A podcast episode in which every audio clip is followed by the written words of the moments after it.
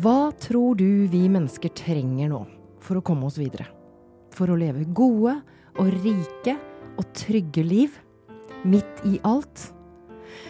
Jeg tror det handler om følelser. At du og jeg og vi gjør følelsene til vår styrke. Jeg heter Katrine Aspaas, og du hører på Oppdrift. Wow. Jeg, jeg, sitter her med dunkende hjerte. Uh, og har en veldig spennende gjest på besøk. Vi starta ut litt skeivt med at uh, jeg helte et glass vann ned i Mac-en til studio. og da Hva skjedde da, uh, kjære Ole Martin Moen? Ja, hva, Vi vet jo ikke helt ennå hvor våt den laptopen ble også, men vi prøvde jo å tørke litt her med servietter som vi fikk båret inn litt her og der, og ja. holde laptoper opp ned så det kan renne vann ut av dem, og ja. alle løfter opp alle tingene på bordet samtidig. Så det er jo, det er jo litt sånne, sånn ritualer som skjer. Når noen søler vann et eller annet sted, mm. så er det jo en sånn kollektiv Noen løfter ting opp, og noen løper og henter tørkepapir. Og jeg syns vi klarte å gjennomføre det det er ganske godt. Ja. Vi, vi var ganske effektive der. Vi var effektive fra der. Det in, fra, fra, det inntrådte til vi hadde begynt å iverksette effektive tiltak. Og da syns jeg det var et ganske sånn Det var fint team. Ja. Og jeg la merke til én bestemt ting, mm -hmm. Ole Martin. Og det, er egentlig, det gjør meg veldig glad å fortelle, fordi jeg var jo selvfølgelig Det handler jo om følelser, det her. Og hva føler du når du heller et glass vann ned i Mac-en til noen andre? Uh, veldig flau må jeg kunne si at jeg var. Veldig, veldig lei meg. Eh, jeg kjenner fortsatt at jeg er litt sånn kortpusta. Eh, og, og vi trengte jo vann, ikke sant, så jeg gikk ut eh, for å hente mer vann. Og da kom du etter meg. Og jeg fikk følelsen da at da støtta du meg i Du sto der sammen med meg, liksom. Jeg vet ikke om det var intensjonen din, men du sto der sammen med meg. Og jeg kjente meg liksom Jeg har kunnet snakke med en som jeg ikke hadde helt vann i laptopen til ennå, da. Ja, ikke sant. For vi, vi, står, vi står, med sånn kø og venter med laptopene våre. så står du, står du, der med vannet ditt. Nei, men det, jeg tenkte jeg skulle følge etter deg ut. Det var nok primært for å få, for å få helt i litt mer, mer, vann selv også. Men det er jo fint å ta en liten debrief med noen og bra, lande litt med noen først. Og det gjorde vi der ute. Og det er egentlig en veldig fin ting å kunne starte med den omtanken, da selv om du ville ha vann, så er det jo altså den omsorgen som vi mennesker trenger i livene våre. Også i små situasjoner når vi er voksne. Absolutt. For vi, vi er jo veldig mange situasjoner der vi bare skal på å si, gjøre en jobb og spille et slags sånn skuespill. Og virke helt usårbare på alle måter. Og så skal vi bare marsjere gjennom det eh, mm. i på å si, dag etter dag for mange, da, på jobb f.eks. eller andre steder. Mm. Det er jo det, det, høres, det, det, er jo, og det må jo være også, fryktelig slitsomt. Selv om jeg er glad for at jeg, jeg har, har, ikke så veldig mye av det selv i min jobb. Men, eh, men det er mange som jeg, jeg, tror det er mange som føler at de, det gjelder å liksom bare stå på og holde ut og bli kjempesliten. Mm. Og eh, ja, man kan liksom ikke Man kan liksom ikke la en følelse være der. Mm. For du sa jo dette med følelser. Er jo, følelser er jo drivstoffet vårt, på en måte. Mm. Tenker jeg. Altså, du har på en måte intelligensen vår. altså Vi kan regne ut ting om matematiske og sånne ting. Uh, og vi kan, vi kan, vurdere ting og sånn. Men det som på en måte får ting til å skje, altså det som på en måte får maskineriet i gang, det er jo følelser. Mm. Følelser er jo ting som er jo ting som aktiverer oss. Og jeg tror mange som tenker at nei, følelser er ikke så veldig viktige. Jeg tror ikke de enten vet ikke helt hva følelser er, eller så er de ikke så gode på introspeksjon. Mm. Fordi bare det å være motivert, eller det å være sint, f.eks., det er også en følelse. Mm. Um, og motivert, sier du nå. Kan jeg, uh, og jeg gleder meg sånn til å introdusere deg, for det har jeg ikke gjort ennå. Men jeg har jo introdusert deg som et menneske som har omtanke for andre. Og det er jo egentlig det vi skal snakke om. Men akkurat det der med motivasjon, det er jo en følelse. Uh, og ordet og, og, og, nå skal jeg prøve å brife litt her.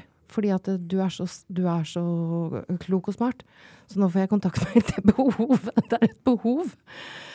Uh, em, eh, emovere, mm -hmm. uh, som er emotion, Emovere ligger bak emotion og motion. Uh, eh, og emotion og motivation. Og emovere, eh, det er jo Altså, emotion betyr bevegelse og motivasjon.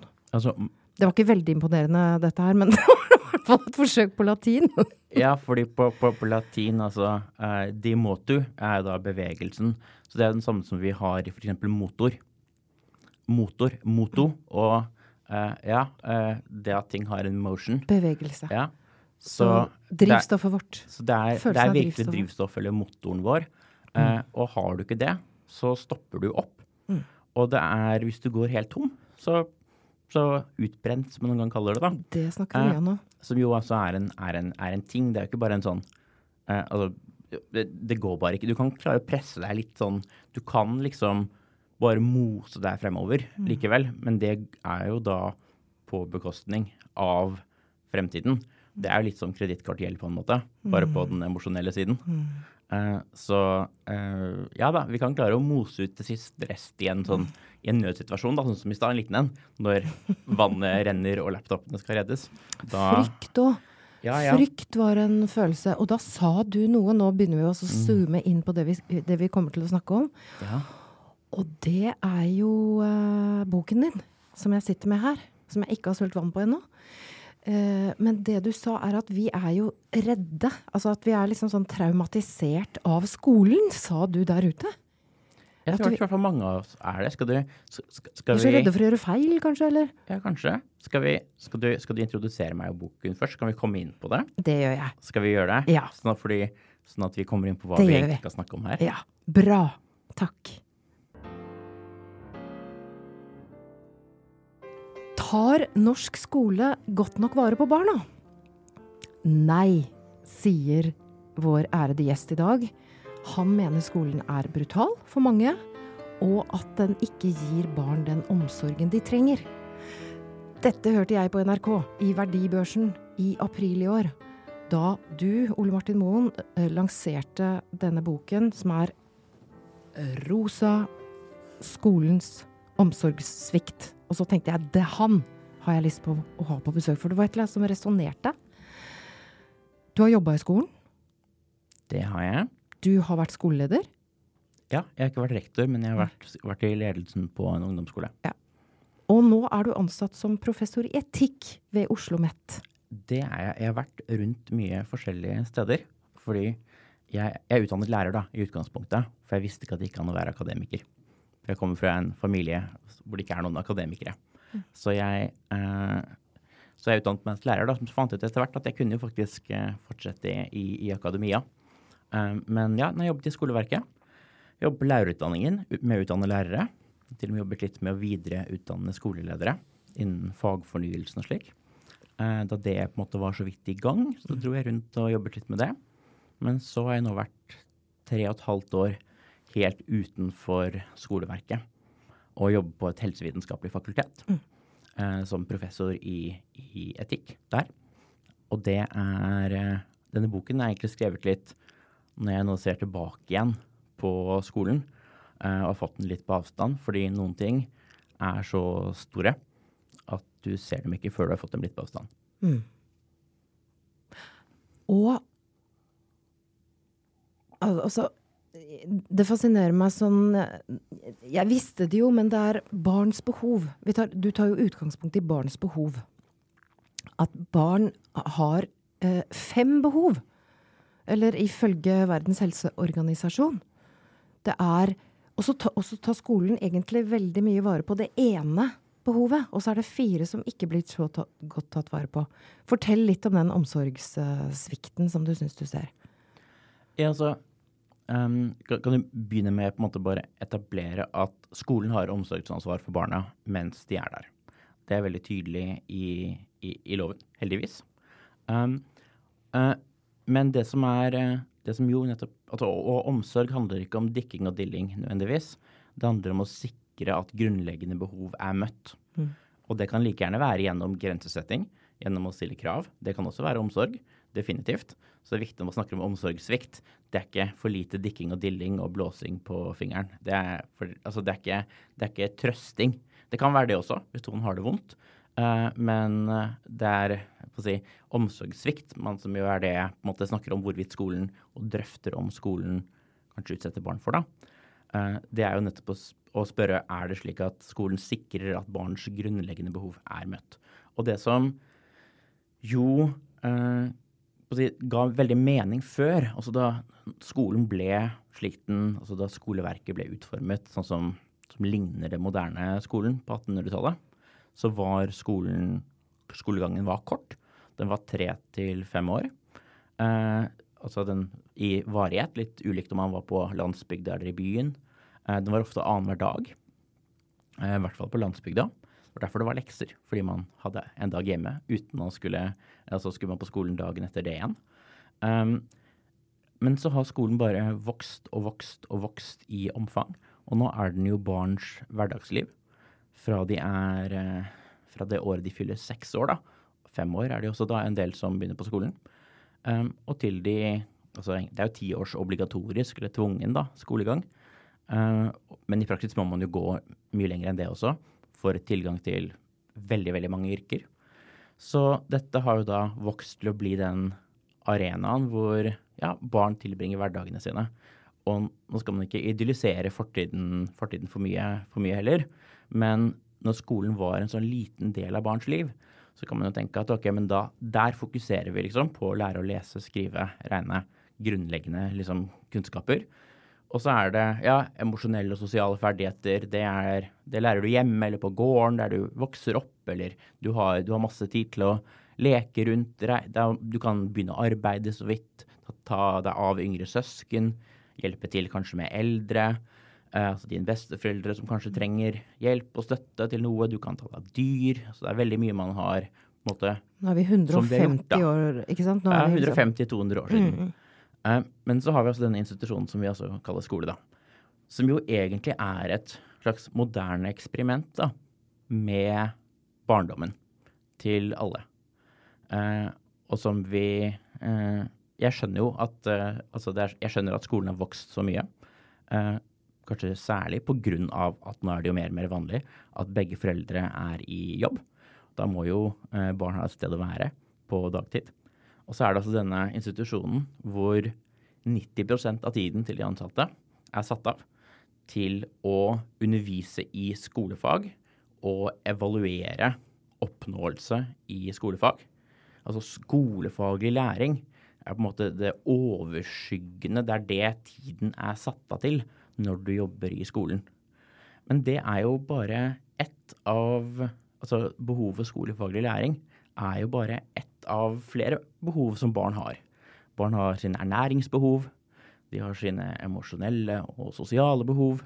Altså Verdens helseorganisasjon har sin liste over liksom hva de tenker er grunnleggende. Da Det finnes ulike modeller for hva som er barns behov. Men det er vel ingen tvil om at barn har eh, ikke minst beskyttelsesbehov. Beskyttelse mot f.eks. vold da, fra andre.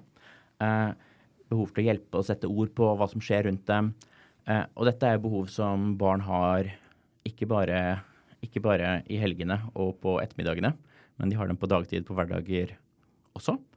Og da er det jo hvem er det som egentlig skal sørge for at eh, barns grunnleggende behov er møtt i tiden mens de er på skolen? Det er et godt spørsmål, fordi foreldrene er jo ikke der. De har ikke valgt at barn skal gå på skolen heller. Mm. Eh, og det er veldig vanskelig å klare det som lærer. Fordi når du skal eh, undervise eh, 30 stykker ofte da, samtidig, og du skal komme gjennom et sånt undervisningsopplegg, eh, og du samtidig, mens du gjør alt det, skal klare å se og kunne altså, se hvert enkelt barn, eh, på å si tolke hvert enkelt barn, og kanskje kunne legge til rette for å finne ut hva er det dette, hva, hva er det, hva er dette barnet egentlig trenger. Mm. Du klarer ikke det samtidig som du har undervisning. Eh, altså du, I fag. I fag. I skolefag. 90% sier du, ja, av tiden går til fag. Den er satt av til det. Fagbehovet, altså læringsbehovet. Ja. Og, Hva er grunnen til at det er blitt sånn, tror du? Det er jo den historien jeg prøvde å gi sånn kort nå, som er at skolen har vokst veldig i omfang. Mm. Altså den har, den har, blitt så enormt mye større, en mye større del av barn og ungers tid. Og det har på en måte gått litt sånn gradvis også. Vi har fått litt mer og litt mer. Og så ser vi altså antallet timer som man i løpet av barndommen er på skolen. Mm. Den har eh, økt og økt og økt. Um, og da har jo begynner jo dette å spille en kvalitativt annerledes rolle i barns liv. Det går fra å være det stedet hvor de går eh, for å lære noen si, skolefaglige ting, mm. men bare en sånn, liten flik av, en, en flik av livet, liksom, mm. til å bli, bli, hverdagen. Og lekser er videreført, selv om det ble innført da skole var annenhver dag. Eh, så barn må jo ta med seg jobben hjem hver dag. Så det er et trøkk på disse ungene, altså et læringstrøkk og et uh, testtrøkk og er det Ja, og det trenger ikke være galt med et trøkk. Og et læringstrykk er det ikke galt nødvendigvis. Uh, men det er så forferdelig mye av det. Mm. Uh, og det er så mye av ja, hverdagen til barn og unge som er satt av til at de skal uh, sitte i klasserom, og de skal lære. Og det høres jo rebelsk ut å si at skole er tvang og sånn, men det er jo tvang. det er jo ingen tvil om at det er tvungent. og og det at Og da må vi jo spørre oss, da. Vanligvis er det jo slik at når vi skal eh, Altså når myndighetene skal iverksette tiltak så, overfor barn, så skal det være til barns beste. Eh, og da må vi spørre, og da må man vurdere hva som er barns beste, egentlig basert på, på input fra alle relevante fag eh, mm. som jobber med hva barns behov er, og hva slags omgivelser eh, barn trenger. Og eh, det er jo ikke slik vi har laget skolen. Eh, og selv om jeg tror fagfornyelsen nok er et skritt i riktig retning, som har kommet altså de siste årene, mm. så er det jo likevel spennende at i forarbeidene til hele den lovendringen også, mm. så er det ikke gjort noen barns beste vurderinger. Så, Nei, så barns beste vi, vi, vet ikke om dette er noe barn trenger i det omfanget og på den måten det er. Det, og det, ingen, det er vi faglig. Vet ikke det. Vi, vi, vet ikke det. Uh, og vi gjør det med alle. Ja. Og, sånn vi tar det som en selvfølge. Ja, og sånn som jeg man skal sette på spissen, da, så er det jo så er jo da skole tvungen plassering i daginstitusjon uh, i ti år på rad, uten at det vurderes om tiltaket på å si kollektivt er til barns beste eller om det vurderes i hvert enkelt tilfelle om det faktisk er til barns beste å ha dette tiltaket i et så stort omfang mm. som det faktisk er. Og sett fra et sånt mer sånn helseetisk perspektiv, da, så er jo dette, dette er jo totalt uansvarlig. Hvis man skulle sett dette liksom mer sånn helsefaglige Ikke får de mat heller. Mm? Ikke får de mat heller. Nei, og dette er jo, i fengsel slik får du jo mat. Mm. Uh, da får du jo mat som på en måte oppfyller på å si, normene, kravene for for eh, på å si, rett ernæring. Men på skolen så får du jo ikke det. Du er plassert der med tvang. Mm. Uh, og man kan si at om det er tvang eller ikke, men altså, det, det, er jo tvang mot enten barnet eller mot foreldrene. Men, eller mot begge, eventuelt. Mm. Så går det an å ta barn ut av skolen. Det er ca. 200 som gjør det i Norge, så det er, så, det er veldig vanskelig å få det. For da må du være hjemme hele tiden. Det er et veldig, veldig komplekst. Så det, det, er tvang. Men likevel så får du ikke mat, så du må ta med deg mat. Mm. Uh, og, men foreldre har jo ikke noen mulighet til å kunne sjekke om hva barn spiser eller ikke. De kan sende med penger, så de kan løpe ut et eller annet sted og kjøpe noe i Og det gjør de. de. På Jokeren oppe hos meg, der ja, ja, står de i lang kø. Det gjør de jo, og vi har jo en ting som til og med heter skolebrød. Uh, ja. Uh, og det er jo ikke spesielt sunt for barn å spise det. Ikke for og, oss heller, har jeg skjønt. Nei, og, og det at Og det er jo ikke slik at 12-13-åringer er voksne nok til å kunne klare å ta uh, Til at vi kan bare legge i deres måte, hender at ja, de skal sikre sitt eget ernæringsbehov. Mm. Uh, og at da uh, Nå husker jeg ikke tallene på dette, men jeg diskuterte litt i boken min også hva vi vet om barn og unges ernæring da, på dagtid mens de er på skolen. Og det er uh, jammen dårlig. Mm. I, I, snitt veldig, veldig dårlig. Mm. Og det er jo underlig Altså i den institusjonen hvor det offentlige har omsorgsansvar for barna. Mm. Så sendes de bare ut. Og de, man deler ikke et måltid sammen, som er en veldig viktig sosial ting å gjøre. Uh, voksne og barn spiser ikke sammen. Mm. De voksne lærerne er jo på lærerværelset ofte. Eh, barna eh, er litt rundt omkring. Og det at man ikke får mat der, er jo også veldig sånn si, der blir det veldig tydelig hvem som har råd til hva, da. Mm. uh, og hvem som spiser med hvem, i stedet for at det er et uh, si, sosialt ritual, da. Mm. Slik, det, slik, det, jo har vært Ikke sant? Hmm. Det er, dette er jo uh, jeg, jeg, blir så nysgjerrig på hva slags respons du har fått på boka, for nå er den jo Det er et halvt år siden den kom. Og hva, hva mm, For du er jo sterk. Eh, jeg ser at veldig mange som har anmeldt den, kaller den jo modig, og det er jeg helt enig i. Fordi du, du tar opp eh, noe vi tar for gitt, egentlig. At skolen skal være faglig fundert. Den skal være Det er veldig mange selv, selvfølgeligheter, altså det, det, vi tar som en selvfølge. Men du snur det opp ned. Så hva slags respons har du fått? Jeg har fått veldig mye, egentlig veldig mye positiv respons. Jeg syns jo anmeldelser og tilbakemelding fra fra foreldre, fra, fra lærere også, har vært veldig, veldig positiv. Noen blir, eh, noen blir sinte. Eh, noen blir veldig sinte. Noen, men det er ganske få. Eh, ingen som har lest hele boken som har blitt, blitt sinte. Men det jeg prøver å si så tydelig jeg kan, at jeg mener ikke at enkeltlærere i skolen har dårlige intensjoner eller ikke gjør si, sitt beste. Eh, men jeg prøver, prøver, å være veldig tydelig på at eh, lærere må spørre seg om de er gitt eh, rammene, rammer som gjør det mulig å gjennomføre den jobben de er satt til, på en, på, en, forsvarlig måte. Mm. Og det å, det å, si, det å skulle ha ansvaret for alle disse barna samtidig. 30 barn av gangen. Det er, det er ganske mye ansvar for også.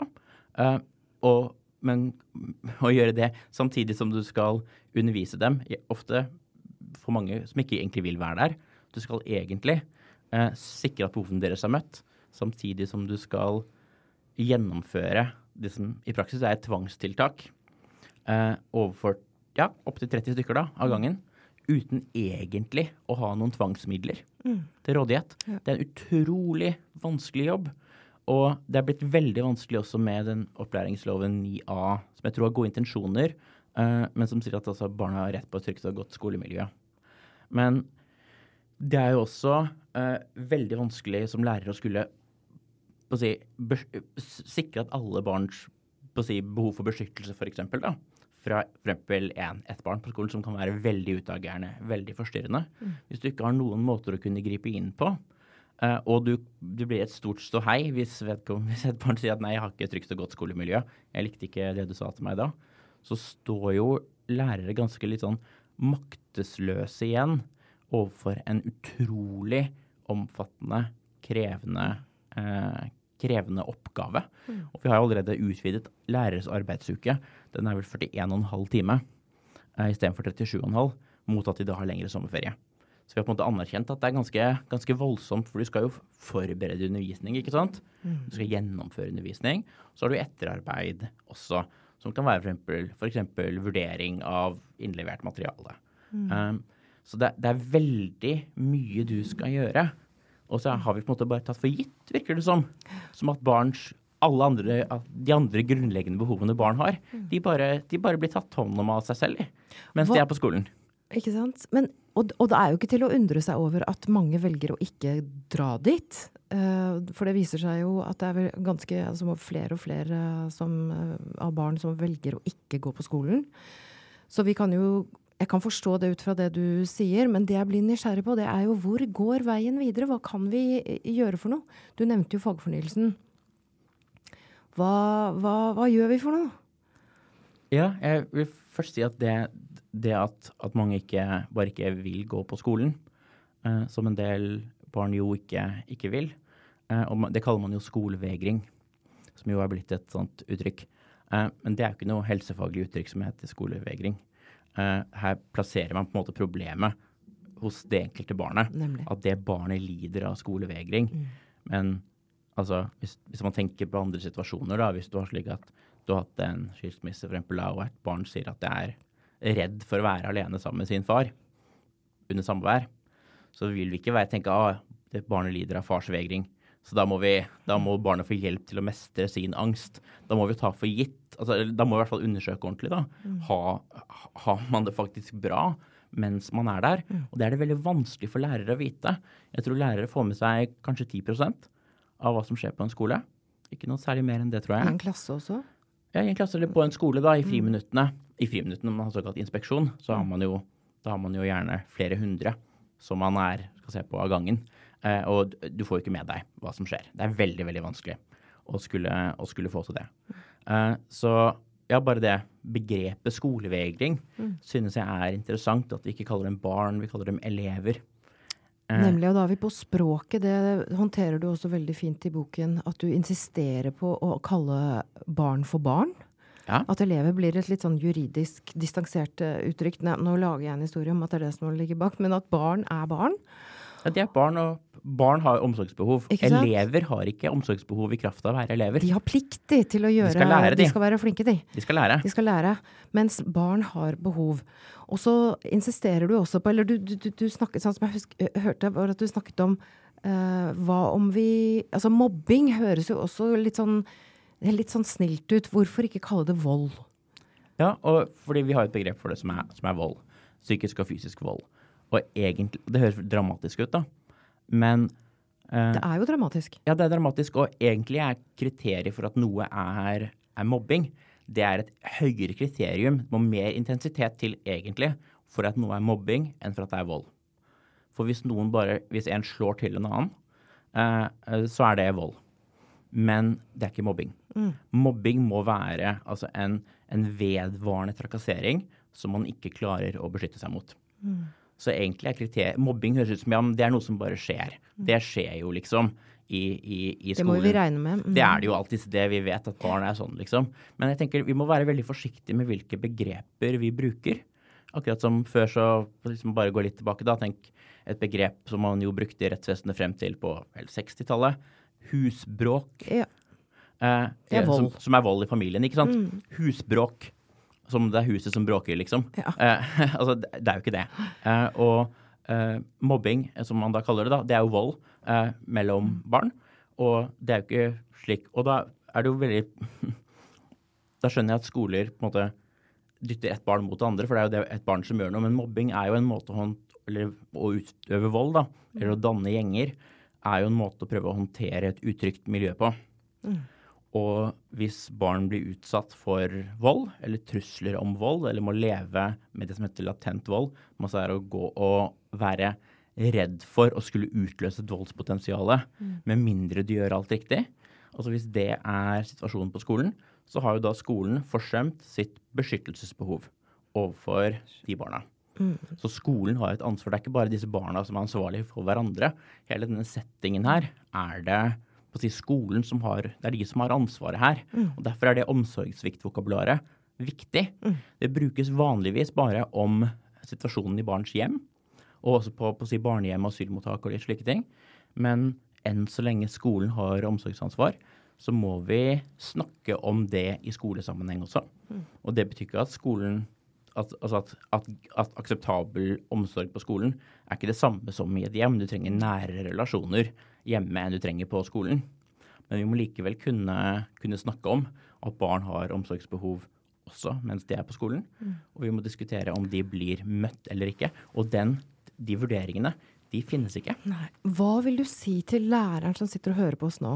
Og takk og lov for at du uh, sitter og hører på. Jeg er jo så spent på hvordan dette lander. Hos meg så lander det litt sånn tungt, kjenner jeg. For det er jo ganske heavy Ganske sånn tungt stoff, dette her. Så jeg, jeg, Hva vil du si til læreren som sitter og tenker Ja, men herlighet, hvordan skal vi få Hvordan, hvordan skal jeg kunne ha, Blir det Får vi enda mer liksom, skyld dyttet mot oss? Eller du var jo veldig tydelig på at dette er jo ikke lærerens skyld. Dette er et systemisk Dette er noe vi må se på systemet. Dette er et systemproblem der jeg tror veldig mange enkeltlærere føler skyld og skam og overveldelse over at de ikke klarer å håndtere det man kan kalle som sin klasse. Da, eller at de, ja, det ikke blir godt nok. Det Er noen noen som har det vondt? Jeg tror det tror det er mange lærere som har det, som har det vondt. Ja. Uh, og, uh, og, som har veldig vanskelig for å snakke om det.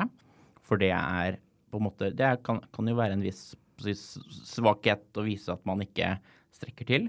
Men eh, jeg vil anbefale lærere å være veldig oppnådd på å si, diskutere med, med, med, hverandre, ikke minst med eventuelt fagforening som man er med i, er det faktisk slik at rammevilkårene man har på skolen, gjør det mulig å utføre den jobben man skal, som ikke bare faktisk er å eh, eh, sikre på å si, læreplanmåloppnåelse. Eh, det er, eh, det er å ivareta barna mens de Hele er der. Hele barnet og deres behov. Så man må spørre seg om det. Mm. Uh, det er det veldig viktig at lærere gjør. Lærere må gjerne lese boken min også, selvfølgelig. Uh, den kan de låne på et bibliotek, eller de kan kjøpe den, eller den er, den er tilgjengelig. Anbefales. Den ble heldigvis kjøpt inn av Kulturrådet. Den er, er også håpefull! Så, så, den er rundt på alle biblioteker, mm. nesten. Uh, men Så det, den, den bør være grei å, grei å få tak i. men jeg tror man må spørre seg, da, hvis man står i en, i en klasseromsituasjon som er veldig, veldig vanskelig. Hva er det man skal prioritere eh, å gjøre da? Skal man da prioritere å eh, fortsette denne opp, si, eh, opplæringen i henhold til læreplanmålene i fagplanene, eller skal man sette dem til siden og sikre i fall at så godt man kan, det innenfor tid man har til rådighet, at eh, barns, de barnas grunnleggende omsorgsbehov er møtt. Uh, F.eks. gjennom å gjøre aktiviteter som gjør det mulig å kunne ta ut enkeltbarn eller grupper av barn og prate med dem. Hvis man ser på noe, for eksempel. Det er mange, det er mange pedagogiske verktøy man kan bruke. Mm. Eller bare tillitsskapende aktiviteter. Det er det mye av. Lek er veldig viktig. Samar å samarbeide om å få til noe er jo noe barn eh, lærer enormt av. Mm. Som har et kjempepotensial. Bare se Skolerevyen i Oslo. Ja. Det er jo i all hovedsak ved siden av skolen. Så det er ikke noe slik at disse bare sitter helt stille og ikke har noe potensial i seg, med mindre vi bare tvinger dem. Mm. Det er jo ikke, det er ikke sånn det er. Men jeg tror man må spørre seg skal man drive, skal man drive tvungen opplæring i skolefag hvis man ser at barn har andre behov enn det. Mm. Og da vil du kanskje få litt påpakk fra skoleledelse om at kan, her må du gi, gi opplæring i, i læreplanmålene. Mm. Men vi har jo to deler av læreplanen. Vi har eh, den overordnede delen, og så har vi fagplanene. Og den overordnede delen av læreplanen er veldig fin. Men det ser ut som om man ved enhver si, konflikt om hva man skal gjøre, eh, så er det alltid den overordnede delen som må vike.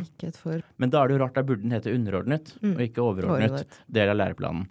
Eh, så da bør man jo insistere på at vi må bruke tid. For den er det ikke satt av tid til. Tiden er bare satt av til fagplanene. Mm. Og hvis skoleleder sier nei, selv om du mener at barna har omsorgsbehov som de trenger at skal bli møtt, så vil jeg likevel at du i stedet skal bruke arbeidstiden din på å, eh, på å ja, drive opplæring i henhold til fagplanene. Hvis, hvis skoleleder sier det, så må du be om å få det skriftlig. Og så må du fortsatt vurdere om du skal utføre den skriftlige ordren eller ikke. Men du må i hvert fall sende den ordren til, eh, til statsforvalterne og til politiet. Ja, OK, så vi er der. Kan jeg få spørre deg, hva slags skole håper du på? Hva håper du har skjedd i skolen de neste ti årene? For nå har vi snakket om det overordnede, vi har snakket om fagfornyelsen. altså for, for, for, deg som hører på som ikke er lærer, så er det en del av det her som blir uh, teknisk lærer... Uh, lærer uh, Eh, hva nå skal jeg Sjargong. Eh, eh, altså, dypt inn i ja, takk for uh, hjelpen. Nå sitter jeg her Det er det der også, ikke sant. Hva gjør vi når vi ikke finner ordene våre? da får vi rød, rødt merke i boken. Men, da får vi rødt merke i boken. Ja, og ja, i skolen så er det jo også slik at vi Bare for å ta den med et rød merke og sånn. Ja. Jeg, jeg, tror at et, et, stort, et stort problem si, i samfunnet er at vi hele tiden later som vi vet veldig mye mer enn vi egentlig vet. Mm. Vi går rundt og later som vi kan alt mulig rart, og vet alt mulig rart. Men det er jo det vi belønnes for i skolen. Ja, ja. Du skal jo vise kompetanseoppnåelse. Så du må lære deg å vise at du kan alt dette. Så lat som du vet mye mer enn du vet. Så det er et helt skifte egentlig vi trenger, for vi vet jo nesten ingenting. Vi skal finne ut av ting. Så det å ska, altså skape barn som er nysgjerrige og kan, eh, kan, kan bruke kreftene sine til å altså, være sånn skaperkraftige, da? Altså, vi vet heldigvis ganske mye om hva slags omgivelser og voksenpersoner barn trenger rundt seg. Det har vi fått ganske solid forskning på mm -hmm. uh, de siste ti årene. Vi vet faktisk ganske mye om det. Så i denne veldig sånn revolusjonerende boken min, så mener jeg at det vi egentlig trenger, er en, en offentlig utredning. Uh, som jo høres veldig Hurra! ut som Hurra! Ja, det er liksom Endelig! Det, det er ikke det, det, høres ut som vi er på retning i giljotin, liksom, men det er, ikke, det er ikke, der vi er. Vi, vi, er vi, vi, trenger en offentlig utredning. Mm. Norges offentlige utredninger, det trenger vi. Vi trenger en NOU. Uh, eh, men det er, det er, en fin ting vi har i Norge. En utredning hvor vi finner et faggrunnlag for hva er, hva er egentlig si, er det, okay, Hvor mye av barn og unges hverdag på ulike alderstrinn er det, er det uh, forsvarlig og bra for barn at brukes på skolefaglig opplæring versus andre ting? Det trenger vi på en måte input fra psykologer, fra pediatere, og, pedagoger. og da snakker vi skrive, om. lese, regne, historie Altså ja, alle de fagplanene. Hvor mye, hvor mye tid ute til fri lek? Mm. Man kaller det for lek. Høres litt sånn der trivielt ut. For det er jo, lek er jo si, spontan utforskning. Det er jo improvisasjon. Det det er. Uh, ja. Og det høres sånn trivielt ut at de skal drive og leke og sånn, men Uh, men ja, hva, hvor mye av det og tid utendørs er det barn egentlig trenger? Mm. Uh, vi må bare få samlet dette fra de relevante stedene. Så bør vi kanskje ha en Jeg tror absolutt at vi trenger Jeg, jeg får en, en obligatorisk skole. Uh, vi må definitivt ha et sted hvor barn kan være på dagtid mens foreldre er på jobb. Men hvordan er det den skal utformes? Mm. og jeg tror ikke vi trenger noe spesielt større skolebudsjett, egentlig, for det er ganske svært allerede. Spørsmålet er bare egentlig litt hvor, hvor, Hva er det tiden er satt av til? Eh, og de voksnes tid og barns tid. Og en som heter eh, Alexander Meyer har, har, et forslag i en bok som heter Det store skolespranget, hvor han sier at det er en ting vi ganske sånn eh, fort kan gjøre, kanskje mens vi venter på litt mer grundige svar på hva vi, hva vi gjør, er å på en måte dele skoledagen i, i to. Eh, på, si, på, formiddagen så har man kanskje tre timer med undervisning i, i skolefag. Og gitt at man følger med og gjør det man skal der, så har man tiden fra tolv til mm. to eller tre da, til å gjøre det man vil med voksne på skolen til stede. Til å bygge eller lage eller gjøre hva enn det er man har lyst til å gjøre. Mm. Da må man følge med ordentlig. på de, den, Da må man være med på, på, på si, første bit av det for å få på å si, full eh, tid til alt det andre man, man vil. Og da har, man, da har lærere en viss makt også, mm. som de per i dag mangler i stor grad. Mm. Så det kan vi i hvert fall gjøre. Og da kommer spørsmålet selvfølgelig ja, men lærer da barn nok? Vil barn kunne nok? Og um, det er jo litt slik selvfølgelig at hvis du altså hvis du har virkelig overveldet noen og utarmet deres deres si, evne til konsentrasjon og læring, så er det bare egentlig frykt som hjelper uh, for å få folk til å gjøre noe. Uh, og det er klart, jeg, jeg, tror vi er litt der. Vi er så overveld, vi overvelder barn med så mye. Tvungen sitting stille i klasserom for å lære å bli pålagt å gjøre ditt, pålagt å gjøre datt, og med måling av hvor godt dette her sånn er. Og uh, det er i en del tilfeller, da. Ikke for alle. De fleste har det faktisk helt greit på norsk skole. Men for en del så er dette å regne som mishandling. Så fryktbasert. Vi jobber jo nå det, med overgang fra kan... fryktbasert ledelse og til tillitsbasert. ikke sant? Vi, ja, vi lever jo i frykt. Det driver vi jo ikke med i skolen. Det driver vi ikke med ennå i skolen. Men Nei, vi har nettopp begynt i næringslivet. altså. Og, og, barn er jo og barn er ikke beskyttet av arbeidsmiljøloven. Det er de heller ikke. Det er de ikke. Mm. Og, men, men, hva er det vi uh, så, så jeg, jeg, tenker at uh, vi, vi, trenger et kunnskapsgrunnlag. Nå rekker jeg opp hånda. Ja. Kan jeg, kan, jeg, kan jeg, få lov til å si kan, du, kan, jeg få lov til å si hva slags skole jeg håper vi har om ti år? Ja, du kan, Og så kan du ta det etterpå. Ja, ja, absolutt. Ja, jeg rekker på hånda. Ja, gjør det. Da håper jeg at vi har en skole som hvor livsmestring, altså det å mestre hele livet, klare å få seg venner, klare å beholde venner, altså emosjonell styrke, emosjonell innsikt, det er sentralt i alle fag i skolen. Så det lærer de. Og så er det en skole for hele barnet, ikke bare huet. Altså hele mennesket.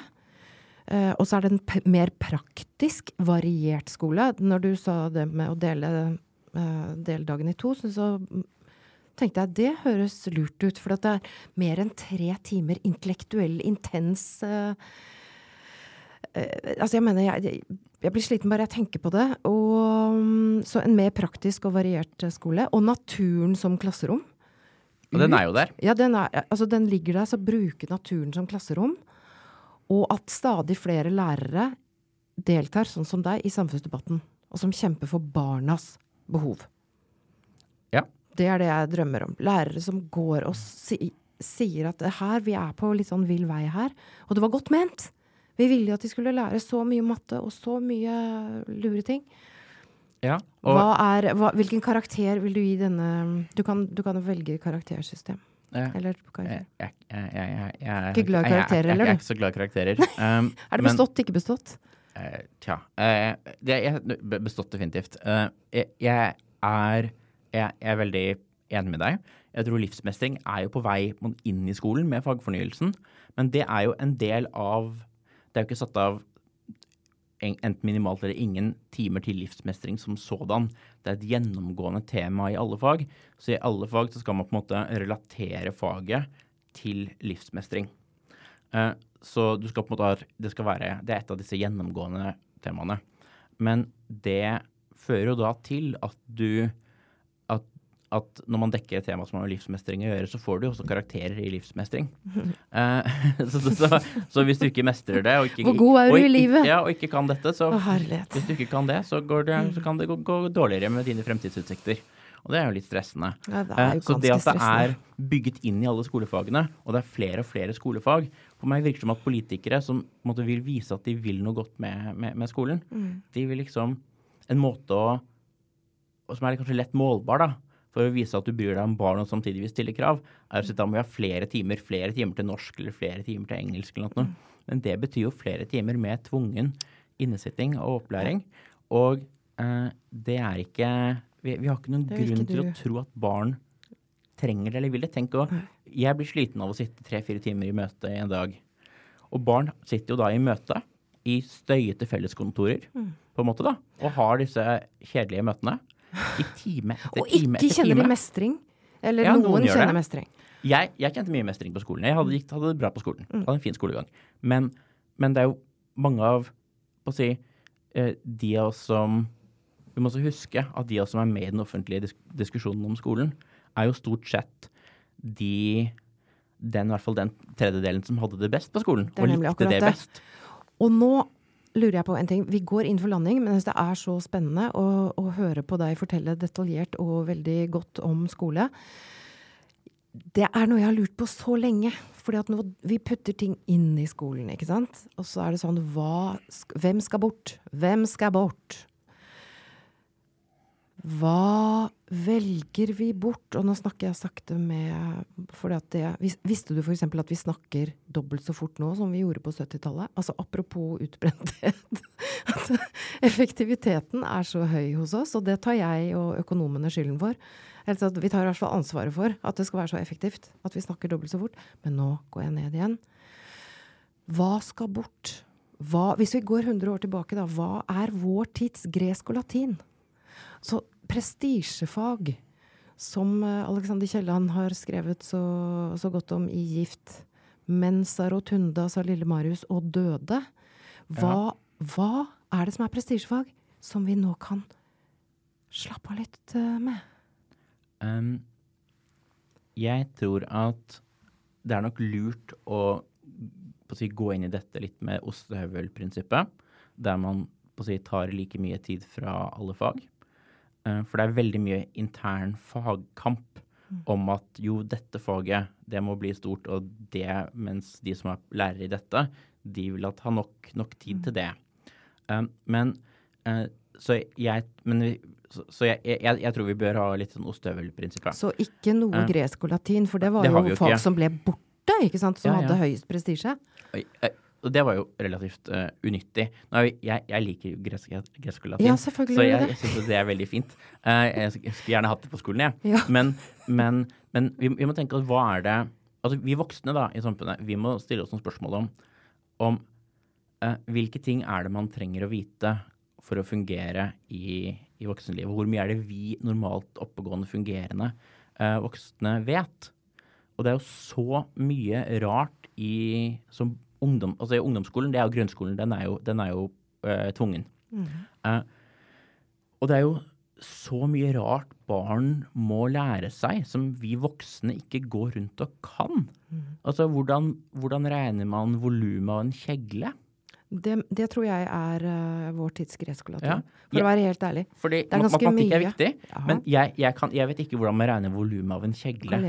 Eller hvor mange av de som er på Stortinget, er det som, bare for å ta en sånn KRLE-ting, da, religionslærer, det er jeg utdannet meg til egentlig, hvor mange er det som kan forklare forskjellen på Theravada-buddhisme og mahayana-buddhisme? ChatGPT kan veldig fint det, gjøre det, det, i hvert fall.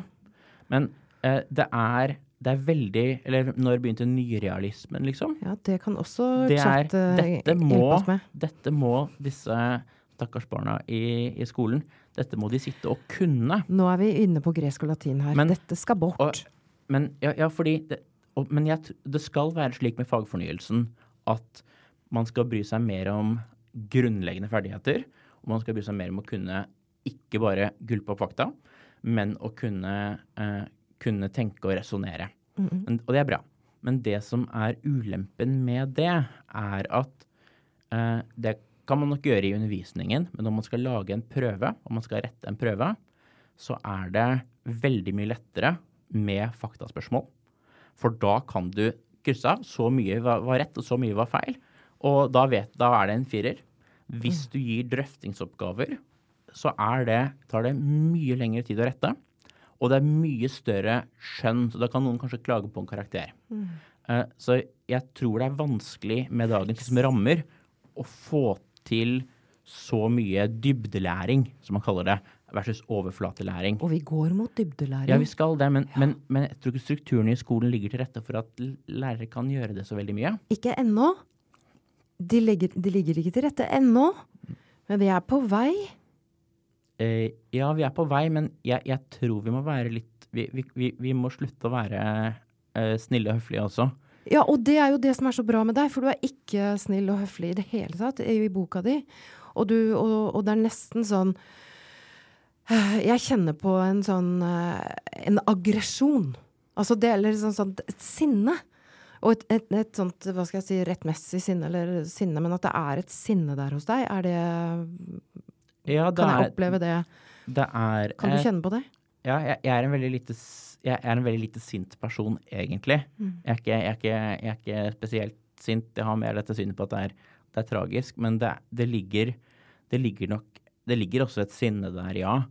Uh, fordi det er så mange jeg, jeg, tror det særlig ble tydelig for meg da jeg, da jeg jobbet som lærerutdanner og dro rundt på skoler for å ha som påhør for de som skulle bli lærerutdannere, de som mm. skulle bli nye lærere. Mm. Og dro rundt på forskjellige skoler. Og så mange steder er det jo et voldsomt kaos og et voldsomt støynivå. Og eh, et veldig usunt miljø å være i. Mm. Og sånn tror jeg det, det er. Det er, det er ikke sånn overalt, men sånn er det så mange steder. Og det at vi voksne, da, det er jo vi som gjør dette. Det er vi som velger dette hver eneste dag. Eh, jeg tror ikke engang vi trenger noe særlig endringer i opplæringsloven. Fordi fag- og timefordelingen i skolen er faktisk bare en forskrift. Eh, så det kan faktisk departementet gjøre noe med med et knips. Trenger noe, vi trenger ikke noe lovendring engang. Men at vi gjennomfører et så enormt tiltak eh, som vi ikke har noen grunn til å tro at er forsvarlig og til barns beste, mm. og at vi fortsetter å gjøre det, selv om vi vet at dette er et fryktelig vond, en vond ting for veldig mange, mange barn, det, det gjør meg jo sint og mm. fortvilet. Ja. Og jeg tror eh, jeg tror sinne kan være en jeg, jeg, skulle kanskje ønske at ja, men vi kunne ha altså Sinne kan fort bli uproduktivt også. Men vi må faktisk ansvarliggjøre. Men du har jo eh, lagt i rør. Det er det som er også Når vi tar følelsene våre det, altså Emosjonell styrke handler om å ta ansvar for alle følelser som måtte dukke opp. Ikke drive oss og skyve det over på andre og begynne å slåss og sånn. Men å ta følelsene som sinne, legge det i rør. Og skrive en bok, f.eks. Det er jo det du har gjort. Du legger sinnet ditt inn i den boka her, som heldigvis leses av lærere og skoleledere over hele landet. Så dette er liksom én håpefull Nå bare jeg støtter sinne. Det er ja. en veldig viktig eh, eh, Følelsene våre er motoren vår. Nå går vi inn for landing. Jeg har jo ikke lyst til å slippe deg ut av studio.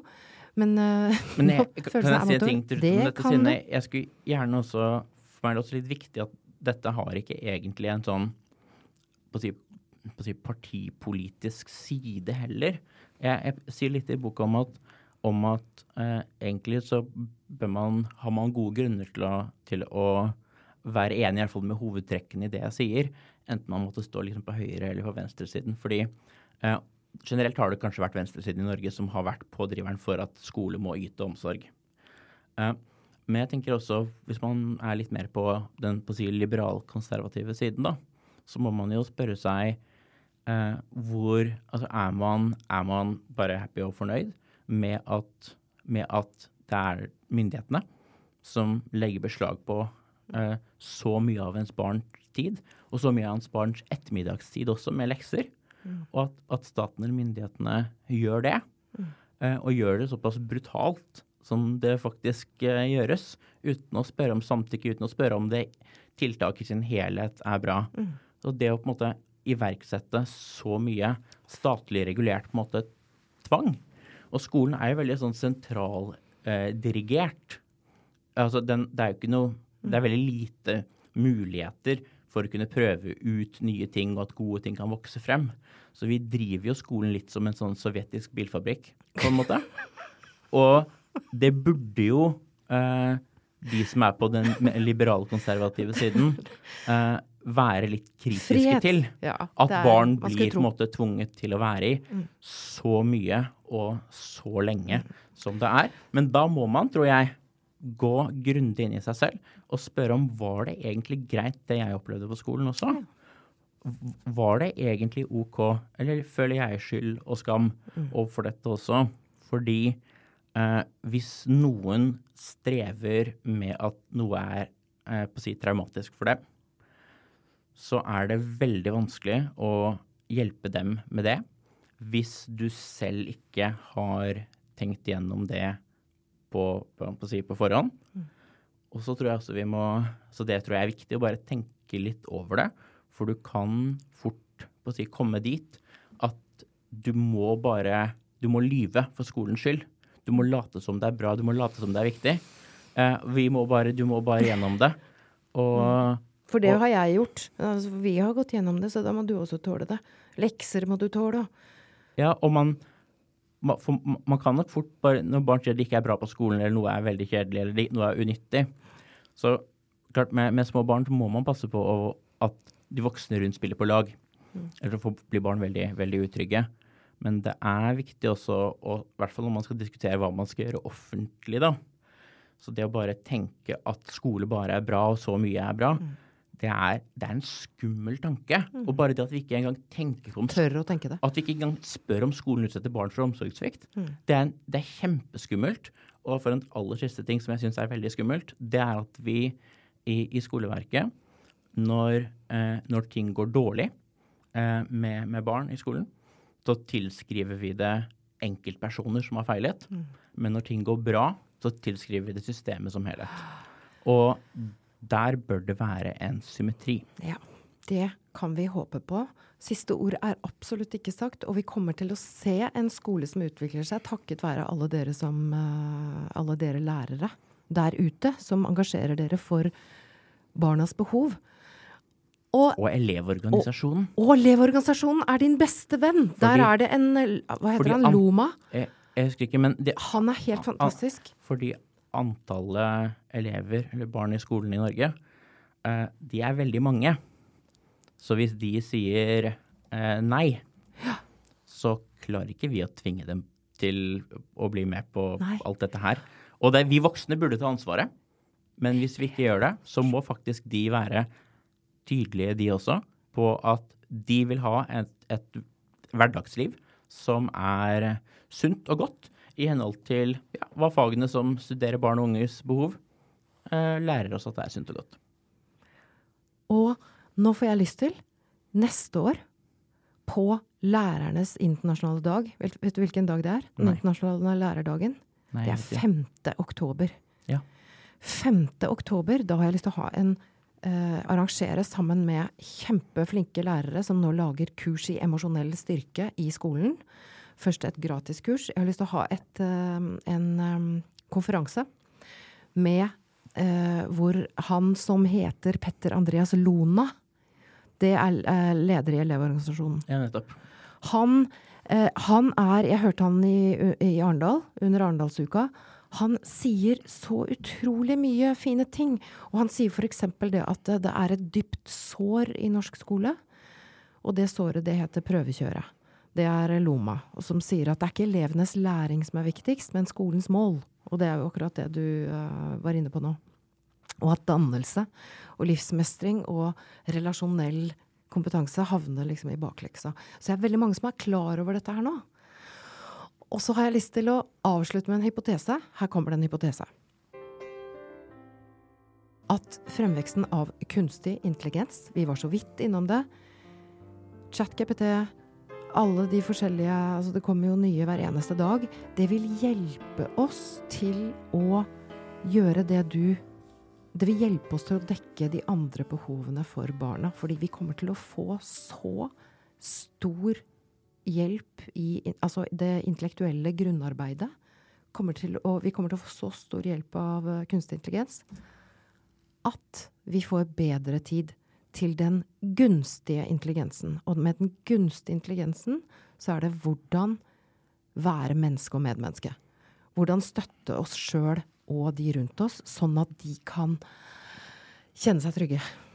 Så du tenker at, at, at kunstig intelligens kan ta seg av mer av den på å si, instruksjonsbiten og forklare ting hvis det er altså det, fa faglig forklaring. Ikke mer. Også. Kommer til å ta seg alt av instruksjonsbiten. Og kommer til å Og vi kommer til å Lærerne, håper jeg, for det fins noen så vanvittig gode faglærere. Definitivt. Det kommer til å være digitalt. De aller, aller beste faglærerne.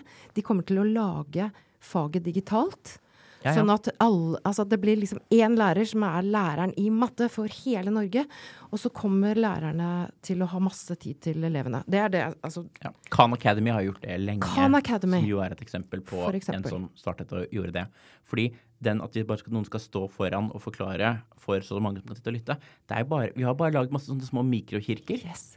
Det er, sånn kirke, det, er, det er, jo kirkemodellen. Det er så og, energikrevende. Og den, ja, det, er utrolig energikrevende. Ekstremt. Og nå begynner det å lyse i øya på deg. Ja, ja. Men, ja, ja. Jeg kan snakke om dette i en evighet. Ja, ja, men, men, det er det som er så fint. En, vi, vi, treng, vi, tar bare så veldig mye for gitt. Ja. At sånn skal det jo være. Sånn må det være.